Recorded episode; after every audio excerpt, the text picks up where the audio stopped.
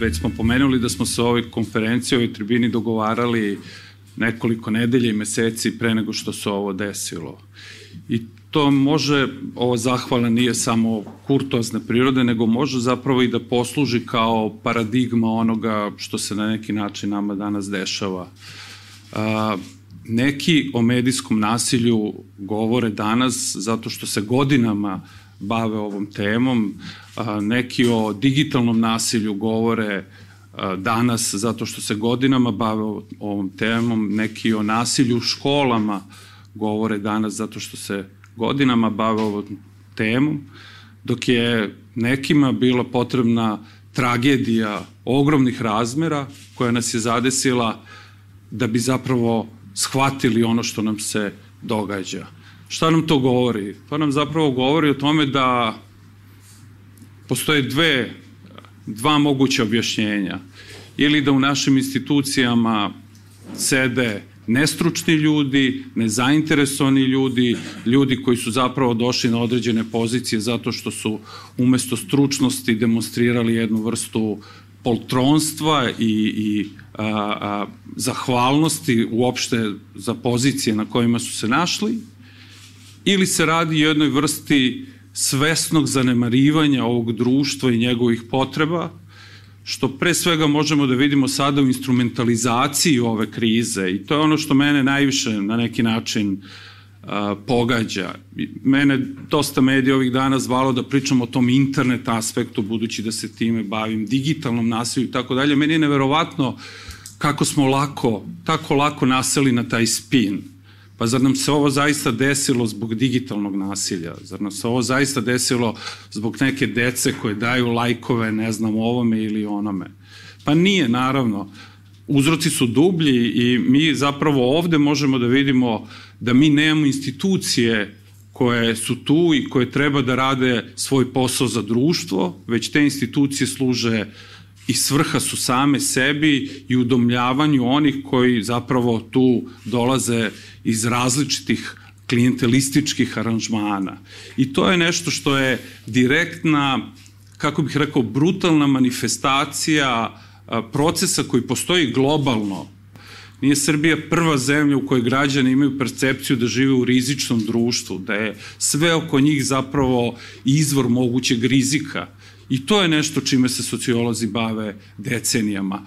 Ali kako bih vam rekao, sociolozi naslučuju određene procese, anticipiraju ih, mnogi od njih su manje više teorijski ili simbolički i analiziraju se da ne bi došli do zapravo svojih brutalnih manifestacija. A nama se desilo upravo to.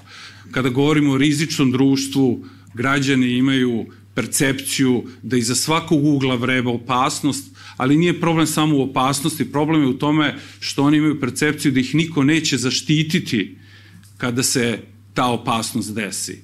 Zbog toga građani, ako ćemo se vratiti ajde i na internet, prebiraju da puste svoju decu da budu ispred računara, nego da ih puste napolju taj opasni svet. A kada ih puste napolju taj opasni svet, onda ih opreme mobilnim telefonima, pametnim satovima i svim drugim nadzornim, digitalnim nadzornim spravama, ne bili se uverili da zapravo će oni bezbedno se vratiti kući. Ali to nije kraj. Onda ih puste u školu. Škola je takođe važna institucija ali građani sumnjaju i tu instituciju. Sumnjaju da će to dete biti na adekvatan način i, i valorizovano i s druge strane zaštićeno i zbog toga razvijaju alternativne individualne strategije zapravo borbe i preživljavanju u jednom takvom društvu. I to je ono što se nama sada dešava. Kada imate osjećaj da su institucije suspendovane, da ne rade u vašu, u vašu korist, onda vi imate individualne strategije kako da preživite te individualne strategije dovode do toga da mnogi zadržavaju i oružje, vrlo verovatno. Jer zašto bi mi bili država koja u regionu ima najviše registrovanog oružja po glavi stanovnika i mnogo više neregistrovanog. Zašto bi neko učio svoje dete da koristi oružje? Zašto mi govorimo našoj deci danas u vrtiću, bez obzira na preporuke koje dajemo kao stručnjaci, kad ga neko napadne, mi kažemo vrati ogromna većina roditelja će reći vrati, na nasilje uzvrati nasiljem.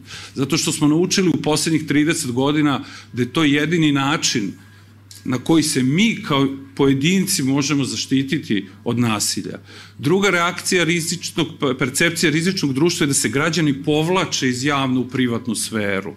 Oni smatraju da oni nemaju nikakav uticaj, da oni ne mogu da utiču ni na što što se u društvu dešava povlače se iz političkog života, abstiniraju, sve manje učestvuju u nekakvim organizacijama i tako dalje i samo događaj kao što su ovi, kada vas dovedu do toga da vi zapravo se zapitate e, da li je vaša egzistencija ugrožena, mogu potaknuti građane na proteste.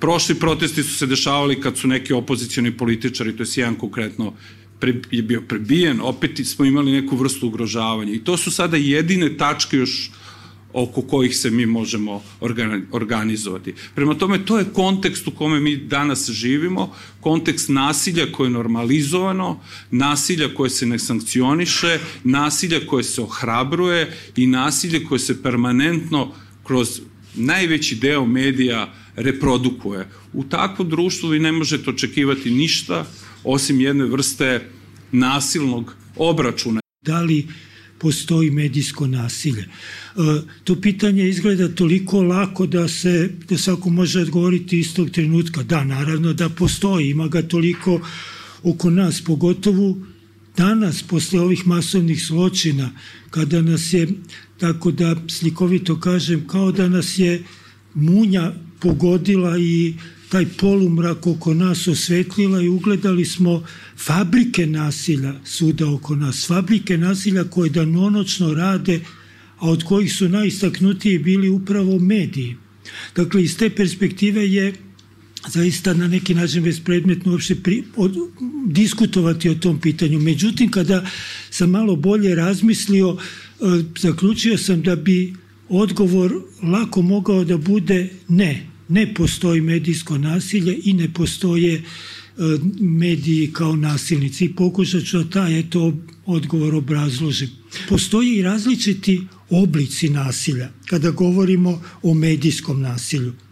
Mada su granice između njih vrlo nejasne. Jedno je izveštavanje o nasilju.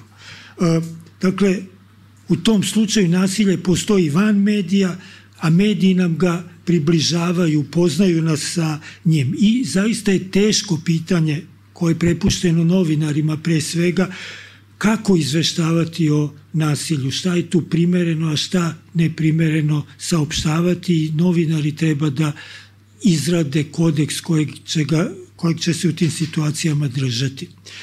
Drugi oblik nasilja u medijima je ono što bih nazvao izmaštanim nasiljem. To je nasilje koje vidimo u filmovima, od crtanih filmova do igranih filmova, u televizijskim serijama, u video igricama i tako dalje i tako dalje. Ono što je što ima presudan značaj je to kako se to nasilje interpretira i vrednuje. Da li se to nasilje prikazuje kao herojsko nasilje, kao veselo nasilje, kao neko bezbolno nasilje, u svakim od tih slučajeva ono će imati prosto drugačiji efekat na one koji to nasilje gledaju. U tom kontekstu se diskutuje o efektima nasilja i tu se stručnjaci uglavnom sasvim slažu da, nas, da prikazivanje nasilja ima nekoliko vrlo jasnih efekata. Jedno je prosto povećanje tendencije da se bude nasiljan, bilo tako što ljudi uče te nasilne obrazce ponašanja, uče kako da budu nasilni, s druge strane se ohrabruju da budu nasilni. S druge, drugi efekat je da se javlja desenzitizacija na nasilje, navikavanje na nasilje. Ljudi drugačije emocionalno reaguju u tim situacijama. Umesto anksioznosti i, i uznemirenosti nasilje postaje nešto prema čemu smo ravnodušni ili čak nas, čak nas privlači tako što nas tako što izaziva naše, naše zanimanje. E, treći način je ovo što je Dalibor spomenuo i koji je također vrlo važan koji, na koji efekat nasilja, tako što ljudi sebe počinju da vide kao slabe jedinke u jednom rizičnom i opasnom svetu u kome je i sasvim jasno zašto je taj svet opasan i zašto smo mi toliko slabi. Zato što postoje pravila igre koja postoji mimo nas i koje mi kao slabe jedinke treba da poštujemo, inače ćemo stradati i niko nas neće, niko nas neće zaštititi. E sada, i svi ovi efekti uopće nisu ograničeni samo na decu, kao što se sada često priča, već prosto na sve, na sve ljude u jednom društvu. E sada, treći oblik nasilja je onaj koji nas, koje mediji vrše ovo nasilje naravno nije fizičko nasilje, već se pre svega sastoji u jeziku, u jeziku mržnje. Mediji sami emituju jezik mržnje, preko njih se drugi ljudi ponižavaju, vređaju, preti im se. Primjera za to je stvarno previše da bih sada navodio, dovoljno je pogledati, ne znam, naslovne strane medija ili, ne znam, kurira, informera i sličnih tabloida, pogledati Pink i Happy, uopšte televizije sa nacionalnim frekvencijama, namera koja stoji iza ovog nasilja koji sami mediji vrše je naravno da se ljudi zaplaše, ponize, da se drugi ljudi ohrabre da na isti način o njima govore i da pribegnu ne samo verbalnom već i fizičkom nasilju. Dakle, da se takva komunikacija prema njima normalizuje. E sad kada govorimo o medijima koji vrše nasilje, medijima kao akterima, njihova uloga je često i u odbrani nasilja, u napadanju onima na onih koji se nasilju suprotstave u minimalizovanju njihovog značaja. I ova uloga u interpretaciji nasilja, označavanju šta nasilje jeste, a šta nije, e, subtilnija je i manje vidljiva nego ovaj jezik mržnje koji često vidimo. Na primer, protest protiv nasilja može se prikazati kao marginalan, marginalan jer nasilja po Bogu nije ni bilo to je nešto što postoji samo u glavama šačice ljudi koji su koji kao protestuju, a u stvari su sami nasilni i tako dalje.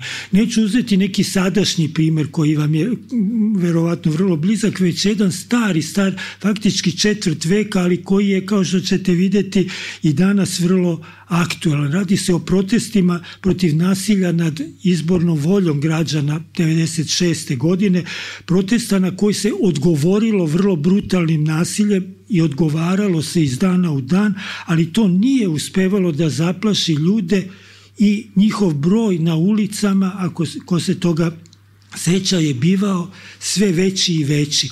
Ali evo kako je dnevni list politika cenjeni naš list tokom 96. godine izveštavao 22. novembra politika izveštava o prvom protestu koji je bio i on se desio, kažu, pred nevelikim brojem članova i pristalica. Sutradan na trgu Republike nije bilo odziva građana. Zatim nekoliko stotina simpatizera stranaka, zatim bez značajnijeg odziva Beograđana.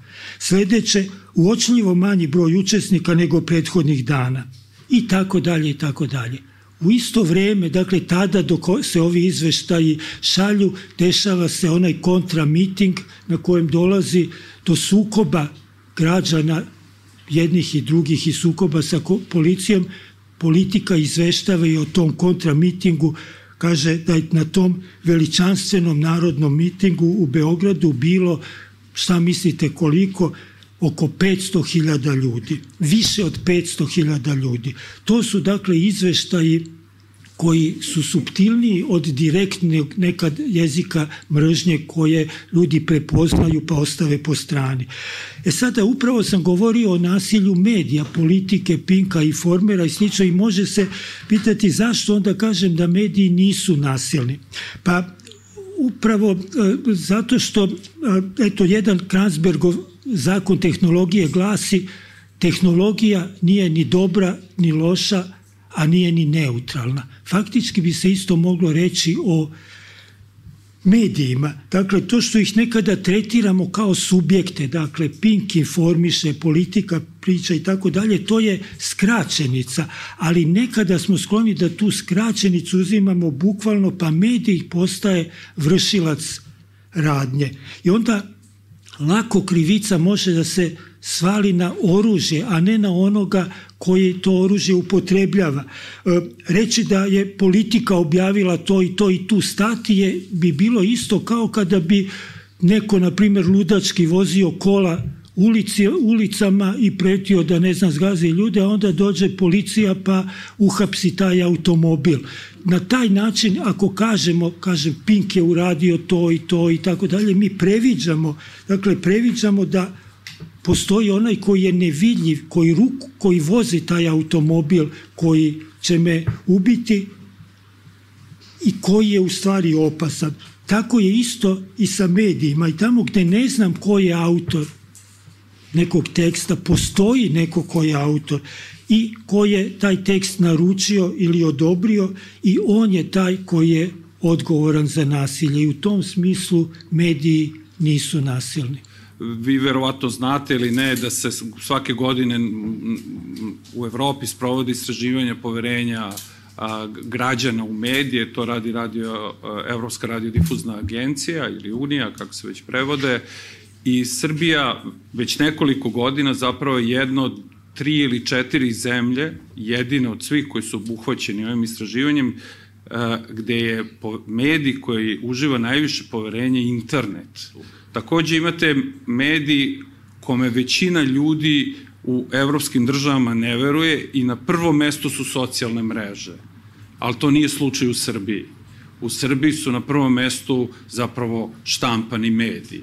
I sada iz toga možete možda da naslutite zašto su mete ovih akcija koje smo čuli prethodnih uh, nedelju ili dve internet i društvene mreže, a ne oni koji bi trebali da budu uh, glavne mete ako govorimo o generatorima nasilja. Zato što su to još uvek jedina mesta koja građani Srbije percipiraju i ne samo da ih percipiraju, to jeste realno tako kao mesta gde vi možete da iznesete alternativne ideje, da kritikujete vlast, da organizujete različite akcije, protesti i tome slično. Znači, cilj je na neki način potpuno kriminalizovati društvene mreže internet, proglasiti ih krivce za ovo što se desilo i tako zapravo ostvariti nekakvu vrstu političke koristi. Zašto ljudi ne veruju tradicionalnim medijima u Srbiji? Pa vi imate one istraživanja, recimo to radi raskrinkavanje, za prošlu godinu je podatak da je više od ili oko hiljadu naslovnih strana tabloida u Srbiji bilo zapravo lažna vest.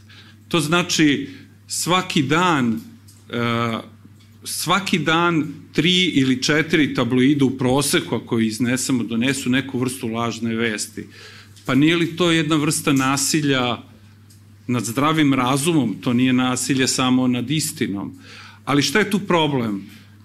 Mi znamo da su to lažne vesti, a, ali postoje ljudi koji to čitaju. I sada imate jednog sociologa koji se zove Thomas, 20. 30. godina u Americi, pisao i rekao je događaji su stvarni ako po svojim posledicama oni jesu stvarni. Znači, ako građani percipiraju to što čujemo kroz medije kao stvarno, oni će se ponašati kao da to jeste stvarno.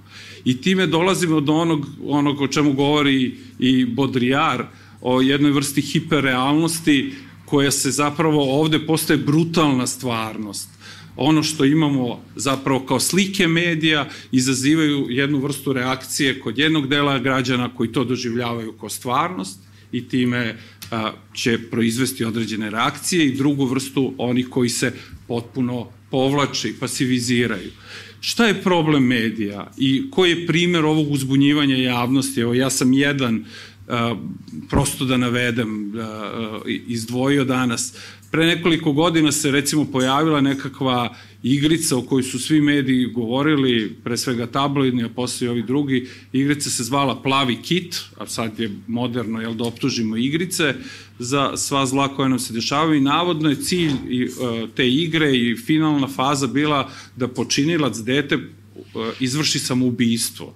Sad zamislite, vi to emitujete kao vest, i e, ljude koji treba da se na neki način orijentišu odnosno na tu vest. Blic donosi naslov, znači ne govorimo informeru ili, ili ne znam, nekom drugom. Naslov koji kaže naslovna stranica, u Rusiji se prošle godine ubilo 10.000 mladih ljudi. Ispod piše igrica plavi kit odnosi život i tako dalje, čitate tekst posle unutra gde zapravo jedno sa drugim nema nikakve veze. U Rusiji svake godine 10.000 mladih izvrši e, suicid, igra je sada nešto drugo. Šta je suština? Suština je da igra nije postojala. Igra nije postojala, to je jedan urbani mit, trač, ali šta se dešava dalje? Dalje se dešava da uzbunjeni roditelji zovu sada škole, zovu policiju, traže reakciju, zato što se brinu za tu svoju decu. Znači, da se vratim na Tomasa, nije bitno da li je nešto stvarnost ili nije stvarnost, bitno je da li građani to percipiraju kao stvarnost. Jer su onda njihove akcije, reakcije takve kao da to jeste stvarnost. Policija izde saopštenje, Sada govorimo o institucijama i stručnjacima koji tamo sede. Tamo nema neko ko će reći čekajte, to je dizanje panike, hajde da vidimo da li ta igra postoji. Ne, nego je prvi instinkt hajde da se zaštitimo i da kažemo, postoji sumnja da se pojavila igra, upozoramo roditelje da vode računa, da hitno i neodložno prijave svima i tako dalje. Onda se uključuju ovim, da kažem, malo nezavisni ili ozbiljni ili kakve god hoćete mediji koji sada zovu nas neke stručnjake da diskutujemo o tome zašto se zapravo Zašto smo došli u situaciju da se dete ubije zato što će igrati igricu i koliko je to rašao i tako da. E to je konstrukcija stvari i to je ono što ja vidim i definišem kao jednu vrstu opasnosti koja se nama dešava na različitim nivoima. Ovo sam sada dao kao jednu vrstu paradigme. Kod nas je zapravo sila prešla u segment komunikacija.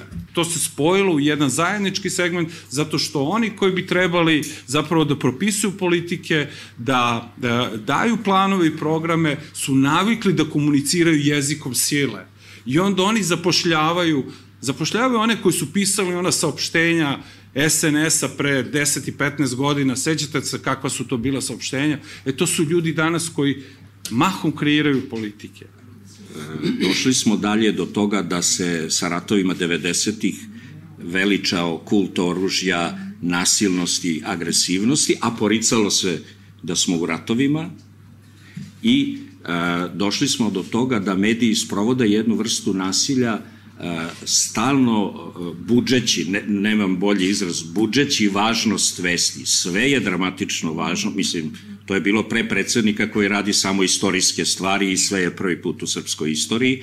E, mi već dugo godina živimo potopljeni u medijske sadržaje u kojima ni najprozaičnija stvar kao prognoza vremena ne može da bude bez čekaju nas paklene vrućine. Srbija ovo nije doživela.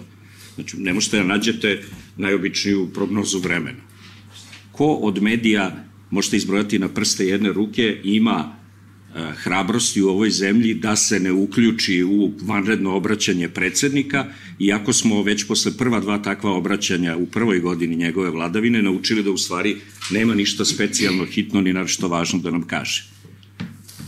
Dakle, jedini način je da se svedete na vrlo ograničenu upotrebu dominantnih tradicionalnih medija i vrlo selektivno scrollovanje po online medijima da biste očuvali i ole neki zdrav razum, hladnokrvno rasuđivanje i duševni mir, inače vas proguta, a izgleda je većina populacije u Srbiji zaražena time da je svet strahovito važno, hitno i ne možemo da živimo dok nam ne jave mediji ili čak lično predsednik šta sad mi treba da radimo.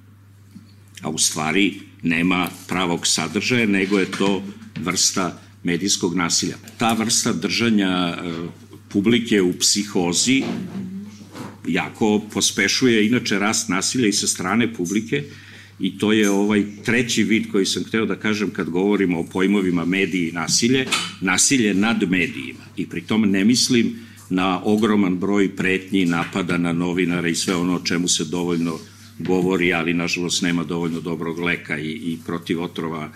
RTS je jedina medijska kuća, a sigurno jedini javni medijski servis ili državna radiotelevizija u svetu, koju su njeni sobstveni građani fizički napali tri puta za manje od 10 godina. Pitanje je kako je do toga došlo, da li smatramo da je to opravdano i da li bi moglo da se ponovi. Sad je izbor meta potencijalnih malo širi. Ovo će sam možda se protumači ovom novom srpskom reči targetirano.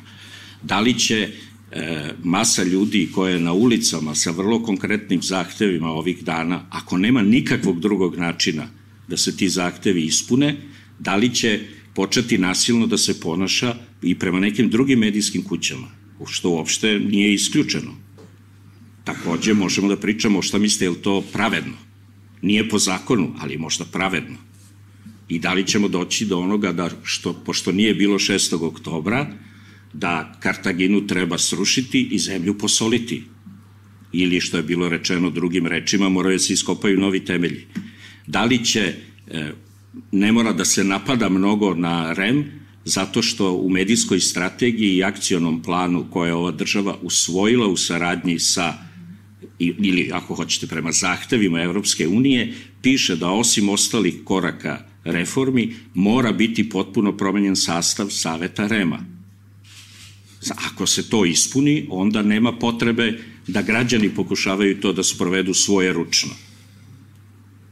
A takođe, posmatrajte i činjenicu da ponovo aktualizovani patrijarh je bio dva mandata e, na čelu Saveta Rema, dakle tela koje odlučuje. Kad govorimo o regulaciji, to telo je, ima razne sektore koje ne bi trebalo napadati a priorno, koji su bar do nedavno, na primer monitoring i pravna služba, vrlo dobro radili svoj posao. Nisam vidio njihove najnovije izveštaje, ali savet koje je telo koje bi trebalo da postupa, da odlučuje na osnovu tih izveštaja i preporuka, ne radi svoj posao, pravi se mrtav i postao je s jednim časnim izuzetkom zmijarnik, nema bolju reč nego zmijarnik.